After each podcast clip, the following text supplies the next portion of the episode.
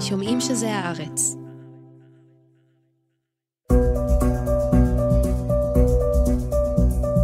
ה-11 בספטמבר הוא תאריך היסטורי. יום עקוב מדם שאלפים מצאו בו את מותם, וששינה את המציאות של מדינות רבות ושל מיליוני בני אדם. Patricio, they said, come to La Moneda because it's already started. Started? What? אבל 11 בספטמבר שאנחנו נתמקד בו היום, הוא זה שהתקיים השבוע לפני 50 שנה. גם אז נהרגו אלפי בני אדם, וגם אז ההשלכות היו דרמטיות. אלא שאז ארצות הברית דווקא הייתה בצד התוקף, ויש שיגידו בצד האפל.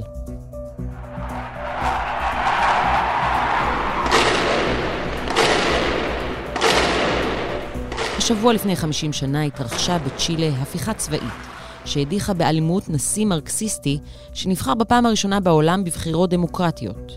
הדיקטטורה הצבאית שעלתה לשלטון ונתמכה על ידי האמריקאים, הפכה את צ'ילה לניסוי כלכלי-חברתי חסר תקדים, שנמשך עד היום. No solo nos permitiría un mejoramiento significativo de nivel de vida de las grandes mayorías nacionales. היי, אני חן ליברמן, ואתם מאזינים ומאזינות לחוץ לארץ. בפרק הזה אנחנו צוללים אל הסיפור יוצא הדופן של הדיקטטורה הצבאית בצ'ילה.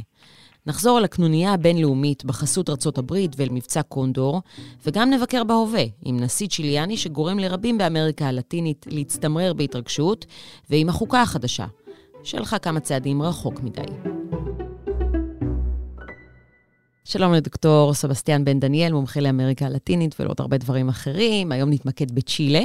שלום. שלום חן, תודה שהזמנתם אותי שוב. בכיף, אה, תודה שבאת. אה, אני האמת רוצה לעשות פיק-אפ מהשיחה הקודמת שלנו על הנוכחות הסינית באמריקה הלטינית, אז דיברנו על גם אם יש, יכול להיות אולי איזשהו מימד נצלני אה, בהתרחבות של עסקים סינים ושל חברות סיניות באמריקה הלטינית, הזכרנו, אתה הזכרת גם שאין הרבה דברים שהסינים יכולים לעשות לאמריקה הלטינית שיהיו אה, יותר גרועים ממה שארצות הברית עשתה לה, ואחד הרפרנסים הכי טראומטיים של הדבר הזה, זה ההפיכה הצבאית בצ'ילה, לא שארצות הברית עשתה את זה רק אה, במו ידיה, אבל ההפיכה הצבאית בצ'ילה לפני 50 שנה בדיוק, מציינים השבוע את 50 השנה, חצי מאה להפיכה הצבאית הזאת שקרתה ב-1973, אז אנחנו רוצים גם אה, לחזור לימים ההם ולהבין מאותם ימים קצת את אה, צ'ילה של היום. קח אותנו ל-1973. אוקיי, אז בואו נחזור, נחזור ל-1970 קודם. אוקיי. אגב, צ'ילה זה, כמו שאמרת, זה לא אחת הדוגמאות, אלא הדוגמה. כן. בעצם להתערבות הצפון-אמריקאית באמריקה הלטינית, ו- ולא רק שזו הדוגמה הטובה, אנחנו מדברים על שלוש שנים אחרי ההפיכה הזאת, 80% מאמריקה הלטינית תחת משטרים צבאיים בדיוק בגלל זה. כלומר, צ'ילה הייתה באמת ה inflection point. משם זה, זה המשיך לכל המדינות האחרות. אז אנחנו חוזרים עכשיו באמת לספטמבר 1970. סלבדור איינדה, איש, איש שמאל, מרקסיסט, בעצם אחד הנציגים של המרקסיזם באמריקה הלטינית שלה, בקונטקסט אנחנו מדברים על המלחמה הקרה, אנחנו מדברים על פידל קסטרו בקובה, אנחנו מדברים על הצ'ה גווארה בצפון, אנחנו מדברים על באמת מרקסיזם שהוא נמצא ביבשת, והוא סוף סוף, אחרי ארבע פעמים שהוא ניסה, הוא סוף סוף נבחר אחרי באמת המון המון ניסיונות, גם צפון אמריקאים, הם פחדו ממנו מכבר משנות ה-50. כלומר, המרקסיסט, שהוא למד את האידיאולוגיה שלו ממוכר נעליים, ו- והצליח אחרי באמת תקשורת עוינת והמון המון דברים, הצליח להיבחר דמוקרטית, וזה מאוד שונה ממה שקרה בכל מקום אחר בעולם, ולכן זאת הדוגמה הכי טובה לדבר הזה, כי בניגוד ל... קובה, ואיך שהצ'ה גווארה השתלט על קובה, ורוסיה, וסין, זה מהפעם הראשונה שהמרקסיזם בא א' מלמטה, ולא נכפה מלמעלה, וזו הדוגמה היחידה שבעצם ממשלה מרקסיסטית עולה מתוך בחירות דמוקרטיות. אבל זה לא עזר להם מול הברית. נכון, זה, זה למעשה בדיוק ההפך. כלומר, הם היו מוכנים בסוף להשלים עם קובה, אפילו שלידם ואמריקה הצפונית, בעצם, ככל שזה יותר קרוב אליה, היא יותר. יותר בעצם חוששת ומנסה להפוך את העולם הזה. כן, אמריקה הלטינית, אנחנו כל הזמן אומרים שהיא א', רחוקה מאוד מאלוהים, אבל הכי מסכן בה זה שהיא קרובה הברית. אז ככל שיותר קרובים זה היה יותר מסוכן, אבל הם, הם השלימו עם קובה בגלל שזה נעשה באמצעים צבאיים. ובצ'ילה הם אמרו, אנחנו, לא- הסוג הכי מסוכן של סוציאליזם באמריקה הלטינית הוא זה שנבחר דמוקרטית. כי זה זה שיש לו את הלגיטימציה בעצם לפעול, ולכן זה מאוד לא עזר. If Allende should win the election in Chile, and then you have Castro in Cuba, what you will in effect have in Latin America is a red sandwich. and eventually it'll all be red. הוא נבחר בבחירות שהיו מאוד אה, לא אחידות. אנחנו מדברים על שמאל 36 אחוז, ימין 35 ומרכז בערך 30, ועדיין זה בחירות שזה שהוא מוביל לוקח הכל. אז העם... ב... אבל הוא לא נבחר ברוב מוחץ. לא ברוב מוחץ, אבל זה הנשיא. זה הנשיא שיש, בפרלמנט לא היה לו עדיין רוב, אבל אנחנו מדברים על עד, ה... בגלל האחוזים המעטים יחסית שהוא קיבל, הפרלמנט היה צריך לאשר את זה. אז זה היה מבצע מאוד גדול של ה-CAA נגד האישור של המועמדות שלו, ותזמרו רצח של ראש הצבא, אז רובן שניידר, לפני כדי להביא בעצם חוסר יציבות בצ'ילה. עדיין כל זה, למעשה זה פגע בהם, וסלודו איינדה נבחר באוקטובר 1970 אה, ברוב גדול. והיה לנשיא המרקסיסטי הראשון של צ'ילה. Soy un luchador social que cumple una tarea, la tarea que el pueblo me ha dado. מיד אחרי זה. כן, אנחנו מדברים על מישהו שבא עם אג'נדה, כן, לא מאלה שהפופוליסטים שלהם, מישהו שבא עם אג'נדה סדורה, והוא יודע מה הולך לעשות, והוא מלאים את אה, מכרות הנחושת, שזה אז והיום המחצב מספר אחת של צ'ילה. בעצם 70% מה, מהייצוא הצ'יליאני בא מזה, מהנחושת, אז בעצם הוא אומר, זה, זה מחצב שצריך להיות שייך לעם בצ'ילה. כלומר, זה מחצב טבע שלנו, זה משאב שחולק בגרושים לחברות אמריקאיות, לאנקונדה של אז, ועוד כל מיני חברות שבעצם אה, קיבלו את זה מאוד מאוד בזול, ו... וייצאו הכל. רוב הכסף הלך אליהם, אז הוא מלאים את המכרות האלה, שזה המהלך ששבר את האמריקאים לחלוטין. כלומר, זה לא יכול להיות, לא, לא בכסף ולא ב... לא בכסף. הדבר הזה, זה לא ילך, זה שלנו, הדבר הזה, כמו כל אמריקה הלטינית בעצם. ואז הוא עושה את זה, הוא, הוא מתחיל פרויקט לחלוקת חלב לילדים, כי התמותת תינוקות אז הייתה מאוד מאוד גדולה. הוא, הוא, הוא מעצים מאוד את הרפורמות האגרריות, שאם אנחנו מדברים בהקשר הכולל של אמריקה הלטינית, זה בעצם הבעיה אז והיום. כלומר, האדמות האלה, כשאנחנו מדברים היום על המחצבי ליתיום וזה, למי זה שייך האדמה הזאת? בגלל שהימים הילידים האלה אף פעם לא הוציאו טאבו. כן, אנחנו אף פעם לא הגיעו אליהם, עד שלא גילינו, לא גילינו שם איזה משהו ששווה כסף, אף פעם לא הגיעו לאזורים האלה. אז ברגע שהם מוצאים מכרה, אז אומרים, טוב, זה אדמה שלנו, זה של המדינה, ואז אנחנו יכולים להפריט את זה לחברות פרטיות. אז הוא עשה רפורמה אגררית שבעצם העביר את האדמות שאנשים איבדו לקואופרטיבים אה, חקלאיים. בעצם כל הדברים האלה, זה, הוא הפך לגמרי את המדינות שהייתה נהוגה אז בצ'ילה, שהייתה מאוד קפיטליסטית עם מוסדות מאוד מאוד שנטו לכיוון ארצות הברית. אז... והוא גם חילק ספרים. חילק עם ספרים. עם חינוך מרקסיסטי לעם. כלומר... נכון, באוניברסיטאות בעצם אז גדלו מאוד והתחילו בעצם לחנך, כי הוא האמין שמזה בעצם בא הכל. אנחנו צריכים עם, אנחנו, לא רק בחירות דמוקרטיות, אלא כדי שהעם באמת יבחר בצורה מושכלת, זה צריך להיות מספיק, מספיק משכיל כדי לעשות את זה. אז הוא התחיל את הפרויקט הזה גם בשכונות עניות. הוא בעצם עשה 180 מעלות ממה שהכרנו אז בכל אמריקה. זה באמת, זה הניסוי הראשון של זה, ו, ולצערי האחרון. שלא צלח, כן. כן, לא, לא צלח, נכון, ותכף נדבר איך הוא לא צלח, אבל uh, זה, זה עכשיו לאורך שנתיים, והאמריקאים אז אמרו, קיסינג'ר, שעדיין בחלק הזה של כדור הארץ מקבל המון המון uh, מחמאות, ועושים לו ראיונות יפים מאוד בתקשורת הישראלית לכבוד, המאה שנה, אבל איך שאנחנו רואים אותו מלמטה, הוא פושע מלחמה שאף פעם לא נתן את הדין על זה. והם החליטו לתת לה, לגרום לכלכלה הצ'יליאנית לדמם. ההתערבויות הצבאיות בקובה, שהן היו די מבישות מבחינת התוצאות של האמריקאים, אמרו מעכשיו אנחנו... הפרויקט הזה של איינדה, הנקודת תורפה שלו בעצם זה שהוא השאיר את הכל חופשי. בניגוד למקומות האחרים שראינו מרקסיזם, התקשורת הייתה חופשית, מאוד ימנית, אבל חופשית בצ'ילה. כלומר, היה המון אה, חופש הדיבור היה מוחלט. כל הדברים האלה שלא קרו בקובה ולא קרו במקומות אחרים, אז האמריקאים אמרו, דרך הכלכלה אנחנו יכולים לגרום לזה בעצם להפיכה, והם בשנתיים הקרובות, עד הבחירות בפרלמנט של 62, זה מה שהם החליטו. הם ארגנו המון המון שביתות, ומי שיקרא על זה ממאזננו, אז יקרא על שביתת המשאיות הגדולה למשל, שבעצם שיתקה את כל צ'ילה, כלומר לא היה איך להעביר דברים, לא מהמכרות בצפון, ולא שום מחצב לכיוון סנטיאגו, שום דבר לא זז בצ'ילה. עכשיו, זה לא באמת שביתה של נהגי משאיות שהם החליטו, טוב, אנחנו מקבלים עכשיו פתאום יותר מדי כסף כי העלו את אה, שכר המינימום ב-40% נשבות, אלא זה הבעלים של של החברות האלה, בעלים של uh, סופרמרקטים גדולים בעצם התחילו לאגור אוכל ולא למכור אותו. שהבעלים האלה, מה, הם צ'יליאנים ימנים? הם צ'יליאנים... או שזה גם נציגים של חברות אמריקאיות בעצם... לשעבר? איך, אז... איך בעצם לאמריקאים הייתה כזאת השפעה? אוקיי, אז א', בתוך צ'ילה, כן, וזה באמת אסור להתעלם מזה, היה המון אנשים שמאוד לא אהבו את השינויים האלה. בעצם כל ה... אה, אז הכלכלה הצ'יליאנית הייתה בערך 1% אה, שלט על 20% אה, מהכלכלה, משהו כזה. כלומר, קיסינג'ר הייתה קרקע פוריה לעבוד איתה. מאוד מאוד מאוד. גם בצבא מאוד לא אהבו את ההשפעות המרקסיסטיות האלה, ובעצם בכל האוליגרכיה בצ'ילה, גם מעמד ביניים גבוה, עד היום. מאוד לא אהבו את uh, סלבדור איינדה, שראו אותו כמישהו שבעצם בא לקחת להם את הפריבילגיות. כן? כן. בצדק רב, אגב. להזיז להם את הגבינה. כן, הם באו ומאוד לא אהבו את זה, אז הם, הם פעלו עם האוליגרכיה המקומית ודרך התקשורת שהם מימנו. זה כן, ממש מימון ישיר, שאנחנו, יש לנו מסמכים היום כבר, מסמכים טובים, שהם מימנו את התקשורת, ו... שמאוד מאוד תקפה את, ה, את המשטר של היינדה, ו, והביאו את הכלכלה באמת לדמם. כלומר, האינפלציה עלתה מאוד ב, בימים האלה, לא המטבע חוץ, היה מאוד קשה לצ'ילה לקבל הלוואות מקרן המטבע והמקומות האלה שקמו אז, ו... אז הגענו ל-72, שם קיוו בעצם להשיג רוב של שני שליש לימין שיכול להדיח נשיא. זה לא קרה. בצורה מפתיעה, אגב, הסקרים לא היו באמת סקרים, אבל מה שאני מסתכל אחורה, אז uh, כל התקשורת דיווחה אז על זה שהממשלה הולכת להיכשל בגדול בבחירות האלה, זה לא קרה.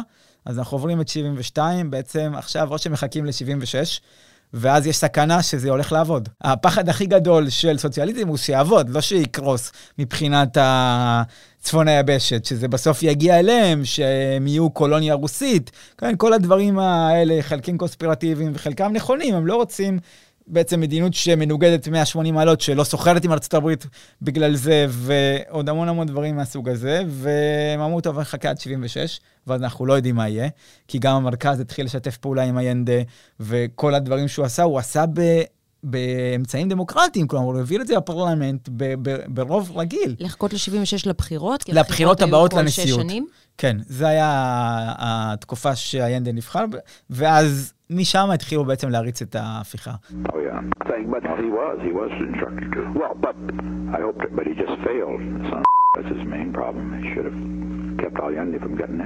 הם חברו לצבא, בהתחלה לחיל הים שהיה בקשרים מאוד טובים עם האמריקאים, ואז לפלגים האחרים של הצבא, ו... ואז אנחנו מגיעים ליוני, יש ניסיון כושל לארגן הפיכה, לא מצליח, הם נכנסו לסנטיאגו, הבירה, אבל לא עבד, מגיעים לספטמבר, כשהצבא כבר מבין שהיינדה בעצם לא, אחרי ניסיונות כאלה, הוא לא עובר לדיכוי ולא עובר למשהו עכשיו לנקות את כל הצבא מהאנשים האלה.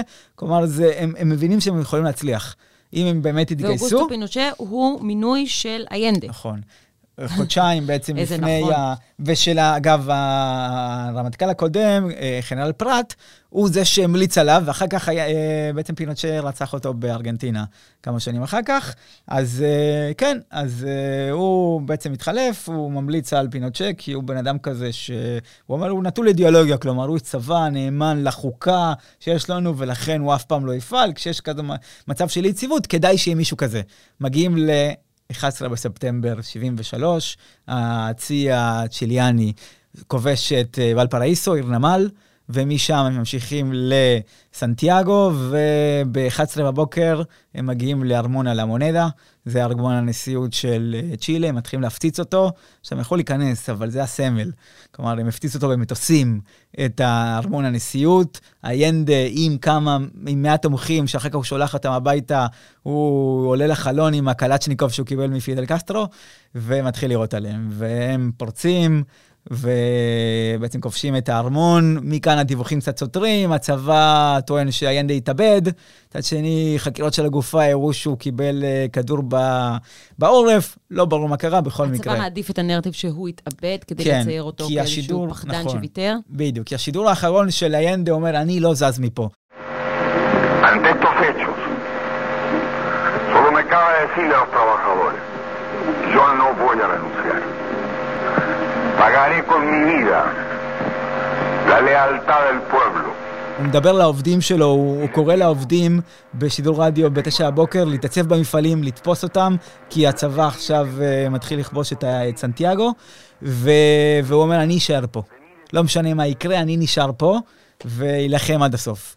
וזה שהנרטיב שהוא התאבד, אז זה היה טוב, בעצם מדובר בפחדן, שלא רצה להילחם, והוא עזב אתכם, ובכל מקרה, ב-12 אז uh, כל הדבר הזה נגמר, והצבא בעצם עכשיו יוצא לגל תיאורים בסנטיאגו. הוא מכנס עכשיו 5,000 אנשי שמאל שהוא מכיר מאוניברסיטאות, הוא, הוא בעצם נכנס לכל מקום שנחשבים למעוזי שמאל, ואוספים 5,000 בני אדם. בעיקר כקבוצות, אבל גם ספציפי שמכירים, אוספים את הטרובדור המפורסם ויקטור חרא, ואת כולם הם אוספים באיצטדיון הלאומי של צ'ילה, שאחר כך שיחקו שם הרבה מאוד משחקים, אבל לעד זה יישאר כזה, ומתחילים לענות שם אנשים ולרצוח אותם. I saw quite a lot of brutality. I've seen a man with three men with guns on him.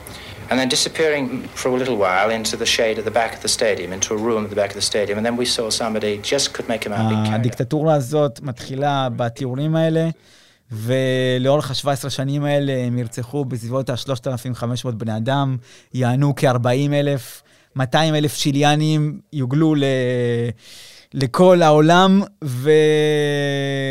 וזה קורה בעצם מיד. ופינוצ'ה יום אחר כך מתחיל בעצם את ההפיכה של כל מה שיאנדי עשה. כלומר, אחרי שהתיאורים האלה, אחרי שהעם בצ'ילה הבין שכל מי שהתנגד לו בעצם חוטף כדור בעורף, ויונה וייעלם. כלומר, חלק מהטקטיקה הזאת שראינו אותה אחר כך אה, גם בוואטמלה וגם בארגנטינה, זה לא רק להרוג את האנשים האלה, אלא להעלים אותם, להעלים כל זכר להם, להגיד, הם נעלמו בים, הם לא היו פה בכלל. זה, זה אנשים שלא היו קיימים, בעצם מחקו אותם. והמשפחות שלא יודעים מה קורה איתם, בעצם כל ה... זה בעצם סוג של טרור מחשבתי, מה שהם עושים להם באמצעים האלה. חלק מ... למה הם שחררו חלק, שזה תמיד השאלה שלו, למה לא הרגו את כולם. כן, והם רצו שהאנשים האלה ילכו ויספרו, סוכני כאלה כאוס, סוכני פחד, שיספרו מה עשו להם באיצטדיון, איך לקחו את הטרובדור המפורסם ושברו לו את כל האצבעות, ואמרו לו עכשיו תשאיר בשבילם, ולא בשביל uh, משהו כזה שמאלני, כמו שנהגת לעשות עד עכשיו. כלומר, שיספרו את כל הסיפורים האלה, כי אי אפשר להרוג את כולם הרי, אבל כן אפשר להטיל פחד על כולם. וזה קורה מאז ה-12 בספטמבר. אז זה דבר אחד. דבר שני זה המדיניות הכלכלית, שהיא כן, אם אנחנו לא מאשימים בצדק את הצפון האמריקאים בהכל, בזה כן. כלומר, מגיעים מיד אחרי ההפיכה, מי שאנחנו קוראים להם נערי שיקגו, זה סטודנטים ומרצים מאוניברסיטת שיקגו, עם האסכולות של מילטון פרידמן ואחרים משם, וצ'ילה הופכת מה-12 בספטמבר למעבדה המושלמת. ניאו-ליברליזם מוחלט, בלי שום התנגדות מהעם. כלומר, בלי שום דבר שיכול לעצור את האלה, בלי, אנחנו יכולים עכשיו להפריט הכל, בלי שאף אחד יתנגד לזה. כן, אנחנו יכולים עכשיו להוריד את המשכורות ל, לכל העובדים, לעשות שלא יהיה משכורת מינימום, וכולם יעבדו, כי הם חייבים לעבוד, כי אחרת אנחנו נראה בהם. זה פעם ראשונה שבעצם אפשר לעשות את הניסוי הזה נקי, כאילו אני עושה את זה עכשיו בנייר, ואני מחשב את זה במחשב שלי, ובודק מה יהיה התוצר הגולמי לנפש עוד עשר שנים, כי אין לי שום בעצם דבר ש... אוקיי. אבל במהלך הניסוי הזה ארה"ב גם מנסה להחזיר לעצמה שליטה על המכרות, על הנחושת, או שהיא מעדיפה דווקא לתת לצ'ילה כאילו לנהל את הכלכלה הניאו-ליברלית החדשה הזאת לבד, ויודעת שהיא תרוויח מזה בסוף את הקופונים שלה. אז התשובה היא שתיים, בעצם היא לא צריכה לדאוג לזה, כי זה, זה בדיוק המטרה של הניאו-ליברליזם. פינוצ'ה מאז, אה, בערך כבר אחרי שנה מ-74, הוא מפריט הכל. כל דבר שהוא יכול. הוא עשה את זה ב... לא ניכנס לדיון הכלכלי, כי אז גם אנחנו ניקח את הדיון בזכויות אדם ונעשה אותו כלכלי, ושם כאילו אפשר את הטיעונים על אולי שדווקא צ'ילה יש מה שנקרא הנס הצ'יליאני של מה שקרה, שזה נעזוב את הדיון הזה בצד, אבל הוא מפריט הכל. הוא מתחיל מהבנקים, שזה כמובן הדרך הכי גרועה להפריט דברים, כי אז אנחנו נותנים לאנשים פרטיים להשתלט על כסף, ומזה, זה בעצם מה שקרה ברוסיה. כשרוסיה רצו לבדוק איך מפריטים דברים לחברים, הלכו ולמדו את המודל הצ'יליאני. Mm-hmm. ואמרו, מפריטים קודם את הבנקים, ואז את כל הדברים האחרים, כדי שאת הכסף להפרטות יבואו מאנשים שיתעשרו מזה. הוא מפריט את מכרות הנחושת לאמריקאים כמובן, והם לא צריכים לדאוג לזה, הם פשוט מביאים כסף.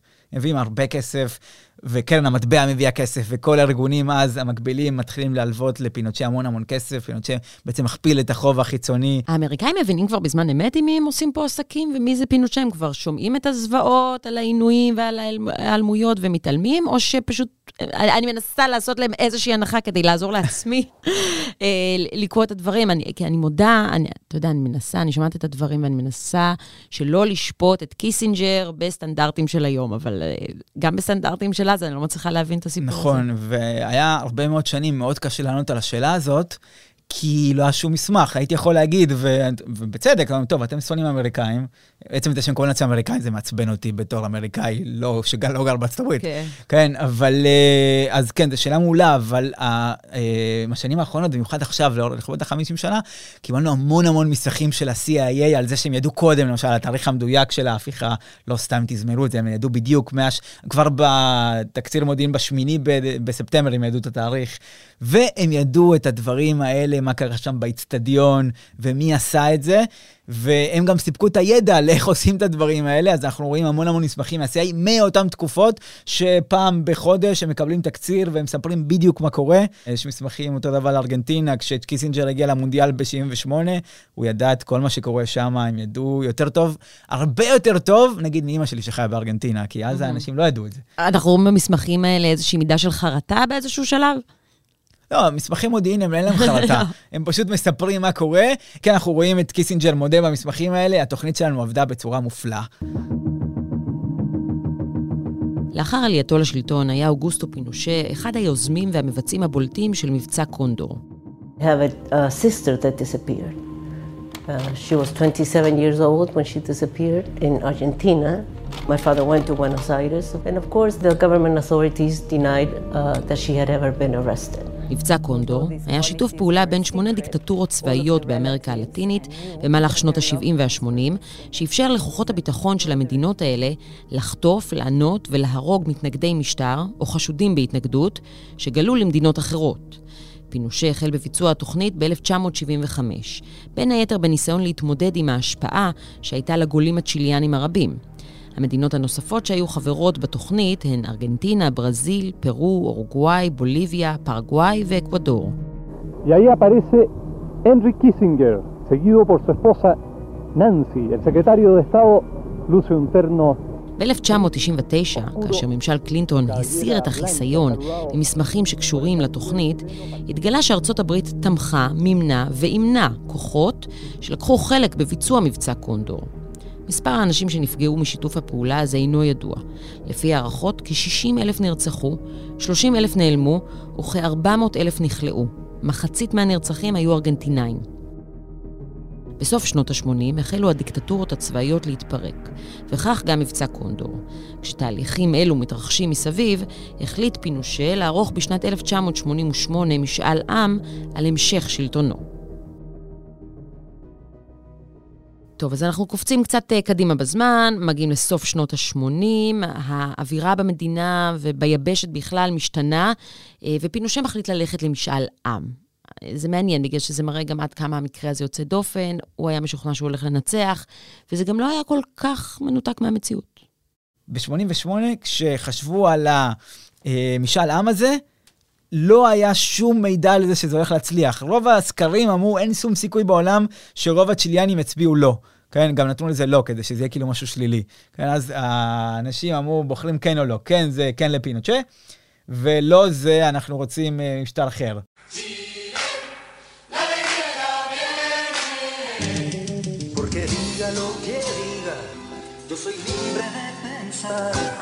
porque siento que es la hora, porque basta de miseria, voy a decir que no.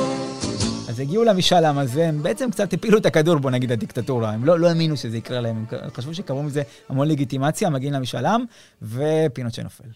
כלומר, שוב, קורית הפתעה ענקית, אה, אגב, סרט מצוין על זה, זה הסרט שקוראים לו לא. זה מראה את uh, מה קרה ואיך הם עבדו באמת, ולא היה להם גישה לתקשורת, אבל עדיין הם העבירו פליירים אחד מהשני, והעבירו קלטות, וסיפרו מה קורה, והגיעו בלי, בלי שום uh, אמצעי תקשורת. Uh, ממסדי הם הגיעו לזה שרוב האנשים בוחרים לא, ואנחנו מגיעים ל-1990, כביכול עידן חדש. כן, ואיך ממשיכים מכאן? אוקיי, ואז... לא נדבר על זה שפינוצ'ה בסופו של דבר מעולם לא עמד לדין. אז פינוצ'ה נופל, כן, נופל, הוא פשוט, כן, הוא ויתר על השלטון כן. שלו סוף סוף. אז אנחנו מגיעים לצ'ילה, שעכשיו היא מאוד מתקשה להחליט מי היא ומה היא עושה. כי מצד אחד היא רואה את המדינות מסביב שמתחילות לשפוט את האנשים שעשו את כל הזוועות האלה, אבל אז, בגלל המעבר כאילו בדרכי שלום הזה, יש לה בעיה. פינוצ'ה עדיין, אמנם הוא הפסיד במשאל עם, אבל יש לו כמעט 50% תמיכה. כן, הוא קיבל, רוב האנשים, המעמד ביניים הגבוה, המון המון אנשים, אבל גם תמיכה עממית הייתה לו, של אנשים שבעצם נולדו ליד הקשה שלו, והם פחדו מזה שכשהוא לא יהיה, אנחנו ניפול לאולי מה שמתחיל לקרות בקולומביה. קולומביה עכשיו מתפוצצים מטוסים, איך קובר, כן, מפוצץ מסות שלם, מפוצץ דברים בבוגוטה. פחדו מליפול לדברים האלה, ואמרו, אולי אנחנו צריכים את היד החזקה, אולי אנחנו לא, באמת, באמריקה הלטינית, אולי אנחנו לא יודעים לנהל את עצמנו. אנחנו צריכים איזה איש חזק כזה, שזה, ואז צ'ילה מאוד פחדה בעצם להתעמת עם העבר שלה בשנת 90, אמרו, זה רק יפיל אותנו שוב לזה. לצבא עדיין יש המון כוח, אנחנו לא רוצים להיכנס לזה.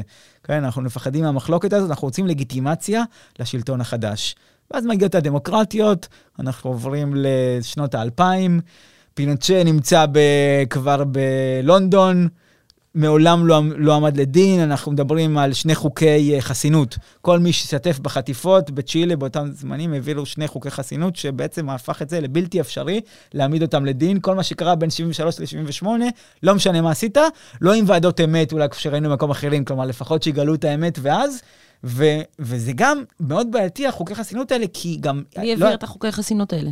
הפרלמנטים, ששוב, לימין היה המון כוח אז עדיין שמה, והשמאל לא רצה להיכנס למחלוקת הזאת. הבעיה היא שגם המשפחות שלא ידעו איפה היקירים שלהם, ש-1,500 מהם נעלמים, לא הצליחו להשיג את המידע בגלל זה, כן? היה המון אנשים, כל, כל משפחה כזאת הפכה לבלשית פרטית, כן? לבדוק מה קרה, אמרו לי, שמו אותו בבטון פה, בנו אותו בבניין הזה, שמו אותו ביסודות של זה, או זרקו אותו בים, או משהו כזה, בפסיפיק, ולא ידעו מה קורה איתם, הם, האנשים האלה, אני מדבר איתם לפעמים עדיין, כלומר, כי אני עוסק בזה קצת פה, והם חלטנית, הם לא מאמינים שאנשים, שהקרובים שלהם יחזרו, כן? אף אחד לא מאמין בזה באמת, בטח לא 50 שנה אחר כך, אבל אי אפשר להיפטר מההרגשה הזאת, שאתה לא יודע מה קרה, אולי הוא חי, כן, אולי קרה משהו, אני לא יודע, לפחות שאני אדע איפה הקבר שלו. אז הם לא סגרו מעגל, ובאופן סימבולי גם צ'ילה לא סגרה מעגל. נכון, אז אנחנו לא... יש ועדות שמנסות לחקור את הדבר הזה, אבל צ'ילה לא סגרה מעגל משתי בחינות. א', מבחינת לא, לא עשו צדק עם הפשעים,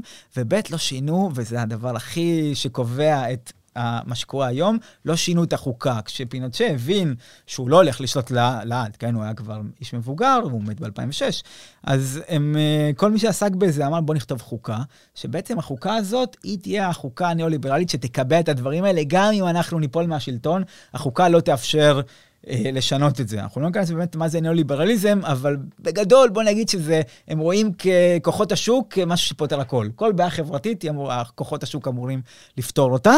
והחוקה הזאת קובעת שהחינוך בצ'ילה הוא פרטי. כן, היא קובעת אה, את ההפרטה של כל המשאבי טבע שאי אפשר להשתלט עליהם. ו, וזה מה שקורה בחוקה הזאת, שבעצם, בגדול, אם תדברו, זה, זה יוצר מערכת כזאת, כאילו של מריטוקרטיה, אם תהיה מספיק אה, מוכשר, זה לא באמת מה שקורה. אם אתה נולד, אם אתה בעל בית, אתה תישאר בעל בית, אבל אם אתה שוכר דירה, לעולם זה לא הולך להשתנות, אתה תמיד תשכור דירה. ואם אתה לא לומד בבית ספר הפרטי הזה והזה, אתה לעולם לא תהיה שום דבר חוץ מפועל בפס. פס ייצור. ככה זה, אתה תהיה במכרות, ואתה תהיה, אין שום דרך לעבור בין מעמדות בצ'ילה, וככה זה נמשך עד בעצם 2000 ו... בוא נקפוץ, כן, זה גס מה שאני יכול לעשות עכשיו, אבל בוא נקפוץ ל-2019. llegando a la marcha más grande de la historia de Chile. Un millón de personas caminando por una sociedad más justa. Es una marcha generalizada, no solamente אנחנו קופצים ל-2019, כל הדבר הזה, אנחנו מדברים, אם תקראו The Economist ודברים מהסוג הזה, אז uh, אתם, הנס הצ'יליאני, כל הנתונים של צ'ילה הם הכי טובים בעולם, מקרו-כלכלית, הם uh, השיגו את ארגנטינה שלא האמינו שזה יקרה, כן, זה בעיקר בזכות החולשה של המדינות מסביב, אבל uh, צ'ילה הופכת למין כאילו ארץ אירופית uh, מוחלשת. בוא נגיד משהו כזה, שזה טוב יחסית, אבל אנחנו מדברים על המדינה הכי לא שווה בעולם בעקבות החוקה הזאת. כלומר, יש שוויון כזה, שזה אנשים שבאי שוויון הזה לא מתחלפים. כלומר, מבחינת הזווית של העולם המערבי, של אירופה וארצות הברית, הם מסתכלים על הצמיחה והם אומרים הנס הצ'יליאני. מבחינת הצ'יליאנים עצמם... כן, זה עולה 10%. הם לא יכולים לנסוע בתחבורה הציבורית. הם לא יכולים, הם, העוני הכרוני שם הוא כזה שאי אפשר לצאת ממנו. כלומר, רוב האנשים חיים רע, אבל הניתוח הצליח, כן? זה, כן. זה מה שקורה בצ'ילה עד 2019, אבל בגלל שהם לא חקרו את זה אף פעם, ואת כל מה שקרה אז, או, או ברובם את המקרים האלה, מה שקרה זה שאנשים, א', עדיין פחדו ממה שקרה. כבר היינו צריכים שיעברו 30 שנה בדיוק מאז שפינוצ'ה עוזב את השלטון, כדי שיוולדו האנשים האלה שהיו מוכנים שוב לצאת להפגנות האלה, שלא ידעו מה קרה אז. כן, הצעירים מהאוניברסיטאות, פתאום הם עכשיו נכנסים לסנטיאגו ועושים הפגנת מיליון. בצ'ילה הם uh, שורפים תחנות מטרו, ותחת הסיסמה, זה לא שלוש... זה העלו אז בדיוק את הנסיעה ב-30 פסו. כן, היום זה לא 30 פסו, זה 30 שנה בעצם, של שלטון שלא השתנה, כי כביכול נפטרנו מהדיקטטורה, אבל בעצם המצב עכשיו יותר גרוע. כי כאילו יש לנו דמוקרטיה שמלבינה את כל הדברים האלה, שממשיכים פשוט באמצעים אחרים. דרך אותה חוקה של פינוצ'ה. אותה חוקה בול, שמעולם לא שינינו אותה, ואותה מעמדות. וככה אנחנו מגיעים ל-2020, ומגיעות ההפגנות האלה, מי שמחפש את היציאה, שזה אגב היה מאוד מפתיע, כולם חשבו שזה הולך למקום אלים כזה של צ'ילה מתפרקת. למרות שהייתה מדינה מאוד חזקה עם מוסדות מאוד חזקים, אנחנו מגיעים למצב שהיא כאילו מתפרקת בזמנים האלה, ובאו בוריץ', שהוא היום, כן, גבריאל בוריץ', הנשיא הצעיר, הכי צעיר שבא מההפגנות האלה בעצם, הוא בעצם... בן 37 הוא... עכשיו. נכון. הוא צעיר ממני. כן, נו, את יודעת, מה עשית את עד עכשיו? יושבת פה, מדברת איתך, כן, זה נחמד, לא גם אני, נו. כן. אבל, אה, אז כן, אז הוא נהיה נשיא. צ'ילנס וצ'ילנוס, habitantes de nuestra patria, pueblo de Chile, por primera vez les hablo como presidente de la República. הוא בעצם רואה את עצמו כהממשיך של סלוודור ינדה, בדיוק רואים את זה ברטוריקה שלו, מי שבאמת מכיר את הנאום האחרון של הינדה במונדה, שהוא מדבר עם הפועלים שלו. נאום ההתבצרות שלו. כן, בהתבצרות, השדר, השידור רדיו המפורסם הזה, בנאום הכתרה של, של בוריץ'. הוא בעצם חוזר על אותם מילים, הוא אומר, אנחנו האדם החופשי שצועד עכשיו ב, אה, בסמטאות של, ה, של השוויון, בדיוק לוקח, כלומר, מי שכמוני מכיר את זה, ואנשים שכאילו בעצם גדלו על זה, כן, ששואלים אותי מאיפה אתה בא, אז אני בא במקומות האלה, אני בא מסרדור ינדה והצ'ה גווארה וכל האנשים האלה, שאני רואה שזה, וזה המון אנשים, כאילו, כששמעו אותו, ראו, וואו, זה, זה חוזר באמת, הוא הממשיך של זה, הוא נראה צרמורת שרואים אותו עושה את זה, הוא מקרין בארמון הנשיאות את הפנים של הנעלמים, כאילו, בימים אלה. אז בא הנשיא עם המון המון תקווה, שמשיג ניצחון מאוד מפתיע גם, כי בצ'ילה, שוב, עצם העובדה שלא חקרו את הדברים האלה, זה אומר שהימין עדיין יש לו המון כוח. פינוצ'ה זה הדיקטטור היחיד בעולם מהמאה ה-20, שעדיין יש לו תמיכה מאוד גדולה בארצו. כן, הוא אף פעם לא הושמץ, אף פעם לא, הדברים שלו לא יצאו באמת החוצה, והוא מת בביתו, כשהאישומים בעצם היחידים באו מבלטר גרסון מספרד, כלומר שהם החליטו על איזה מין... אה, כזה ג'וריסטיקציון אה, על כוכבי בכל העולם, ובו, ו, אבל בצ'ילה הוא אף פעם לא עמד לדין. ו, וחלק מזה האלה... זה גם בגלל החלטה מודעת של השמאל. נכון, נכון, מה, מההחלטה הזאת, ו... אבל אז מגיע בורץ', הוא אומר, בוא נעשה חוקה. כלומר, זה מה שרציתם וזה מה שאני אתן לכם, ואנחנו מגיעים לתהליך היצירת חוקה שקורה ב-2020 עד 2022, חוקה שהיא בעצם החלום הרטוב של כל איש שמאל פרוגרסיבי שחי על פני כדור הארץ, יש בה הכל, כן, זכויות להט"בים וזכויות נשים וסוף סוף הפלות באמריקה הלטינית. והכל, והכרה ב... אין יותר מגדר בחוקה, אין שום דבר כזה. אה, אה כאילו, חוקה מ-2100 בערך, מה, איפה שהעולם יהיה עוד 100 שנה, בערך משהו כזה. 62% voted against the new tax that was to replace the constitution drafted by former dictator Augusto Pinochet in 1980. אבל, יש אבל גדול. כן, ויש אבל ש... אה, וככה אנחנו מגיעים בעצם להיום. החוקה הזאת לא, ב-4 בספטמבר, לא סתם בוריץ' בחר את התאריך הזה, כן, זה התאריך בו בעצם איינדה עלה לשלטון אה, בש, בשנת 70, הוא בחר את התאריך הזה גם קרוב ל-11 בספטמבר. 11 בספטמבר זה היום של ההפיכה הצבאית. נכון, אז הוא בחר את זה סמוך לזה, ואנחנו מגיעים באמת למשאל עם הזה, אבל החוקה הזאת, א', לא היה לה רוב, גם לפני המשאל עם הזה, אבל החיבור הפרוגרסיבי הזה לא באמת עבד, כי ברגע שאנחנו יודעים, כן, כל אחד הביא את המרכולת, המרכולת שלו, כן, כל אחד הביא את הדברים שלו, אבל היה מאוד קל למשל אה, לעשות אה, קמפיין נגד הפלות. כלומר, בתוך האוכלוסייה הילידית היה מאוד קל להביא את זה. מצד שני, בפרוגרסיבים, לא כולם אהבו את זה שעכשיו יהיה בתי משפט ילידים באזורים ילידים. היה מאוד קל לעשות הפרד ומשול, ובוא נגיד את האמת, אנחנו עוד לא מוכנים לזה. כלומר, גם אם, וזה אולי הלקח שבוליץ לא למד מהיינדה, של אנחנו צריכים לבנות בעצם תמיכה בדברים האלה, ואנחנו לא יכולים לעשות מהפכות מהיום למחר, כן? מה שכן האינדה בנה לאורך שנים את הקואליציה הזאת שלו, אנחנו לא יכולים לעשות את זה. ו- ושם הוא נפל, באמת, במשאל עם הזה. מאז הקימו עוד אספה מכוננת שעכשיו נוטה לימין. אחרי שהחוקה נפלה במשאל עם, בוריץ' אמר, החוקה הפרוגרסיבית. הפרוגרסיבית המעולה שלנו נפלה במשאל עם, אז הם לא אמרו נואש. הקימו אספה מכוננת חדשה, שכאילו למדה מהטעויות של, הקודם, של הקודמות, אבל uh, מג... ניסתה להגיע לקונצנזוס, עם זאת הימין הוא זה שנבחר להיות הרוב שם, והם uh, כן שינו חלק קטן מהדברים. אבל עדיין, כלומר, זה לא החוקה שלה פיללנו, וזה לא הפסיק שם. כלומר, הוא, הוא, שוב, תלמיד טוב של היינדה, כלומר, הוא נלחם עד הסוף, בוריץ', ומאז הוא הבין בעצם את הטעות שאנחנו צריכים צ'ילה אחרת. אנחנו לא, לא יכולים שהצ'ילה של, של, שלא לומדים בבתי ספר, למשל בצ'ילה, לא לומדים על ההפיכה ממה שאנחנו מדברים עכשיו, ולא יודעים את זה בילדים בצ'ילה, לא למדו את זה. הם לא מכירים את ההיסטוריה הזאת? לא, הם לא רק שלא מכירים, זה לא ההיסטוריה הם, שלהם. הם לומדים, זה לא ההיסטוריה שלהם בעצם, בבחינה הזאת, שהנרטיב שאנחנו מדברים, בבית הם שומעים משהו אחר, כן? אם אתה שייך ל... היהודים אפילו אם דברו איתם, הרבה מאוד זוכרים את פינוצ'ה כמשהו חיובי. סקרים שעושים עכשיו, בערך 40% מהצ'יליאנים אומרים, כן, אבל. כלומר, כן, הוא עשה דברים אולי לא בסדר, אבל היאנדה הגיע לו. כלומר, אחרת... אני ראיתי סקר ש-36% היום בצ'ילה תומכים בהחלטה של הצבא להתערב. אולי הם לא תומכים אחרי זה בזוועות המשטר, אבל הם כן חושבים שהצבא היה צריך להתערב. נכון, למרות שזה כמובן אותו דבר, כן? אבל זה דרך להגיד, אני בעצם כן. תומך גם בזוועות. אבל כן, למה הם אומרים את זה? כי אחרת היינו...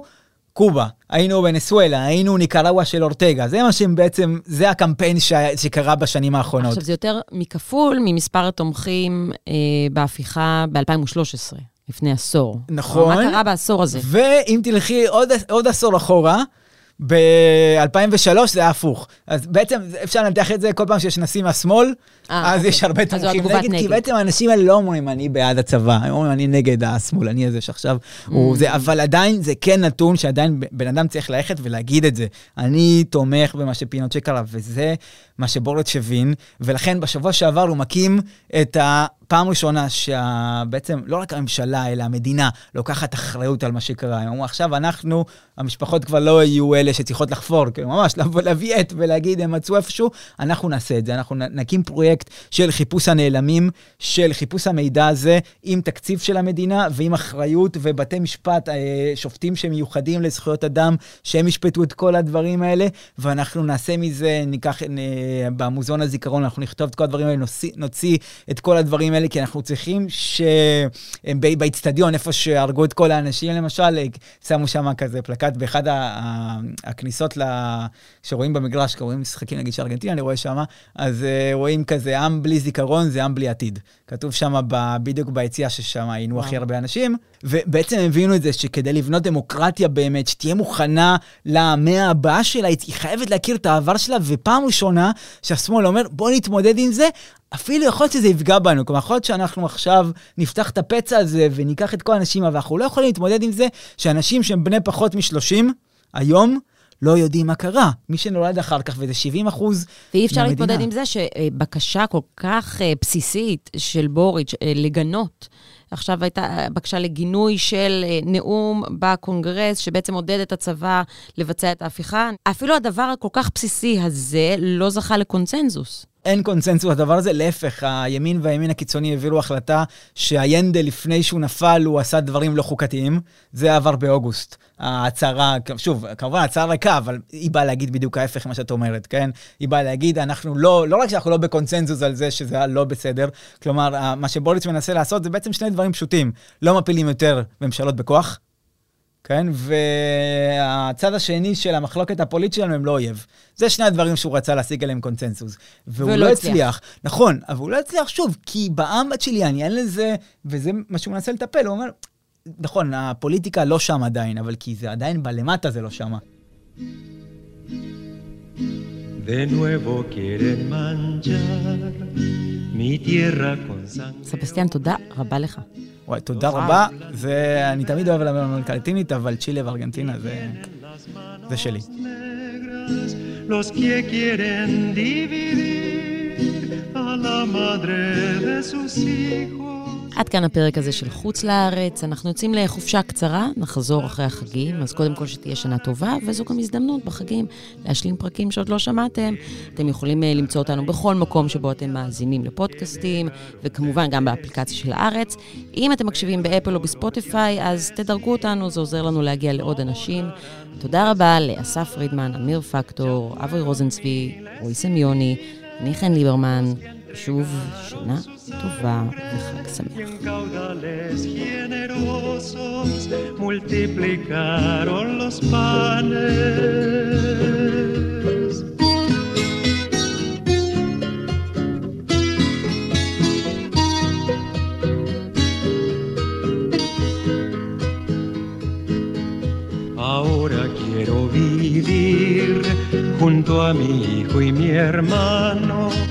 la primavera que todos vamos construyendo a diario. No me asusta la amenaza, patrones de la miseria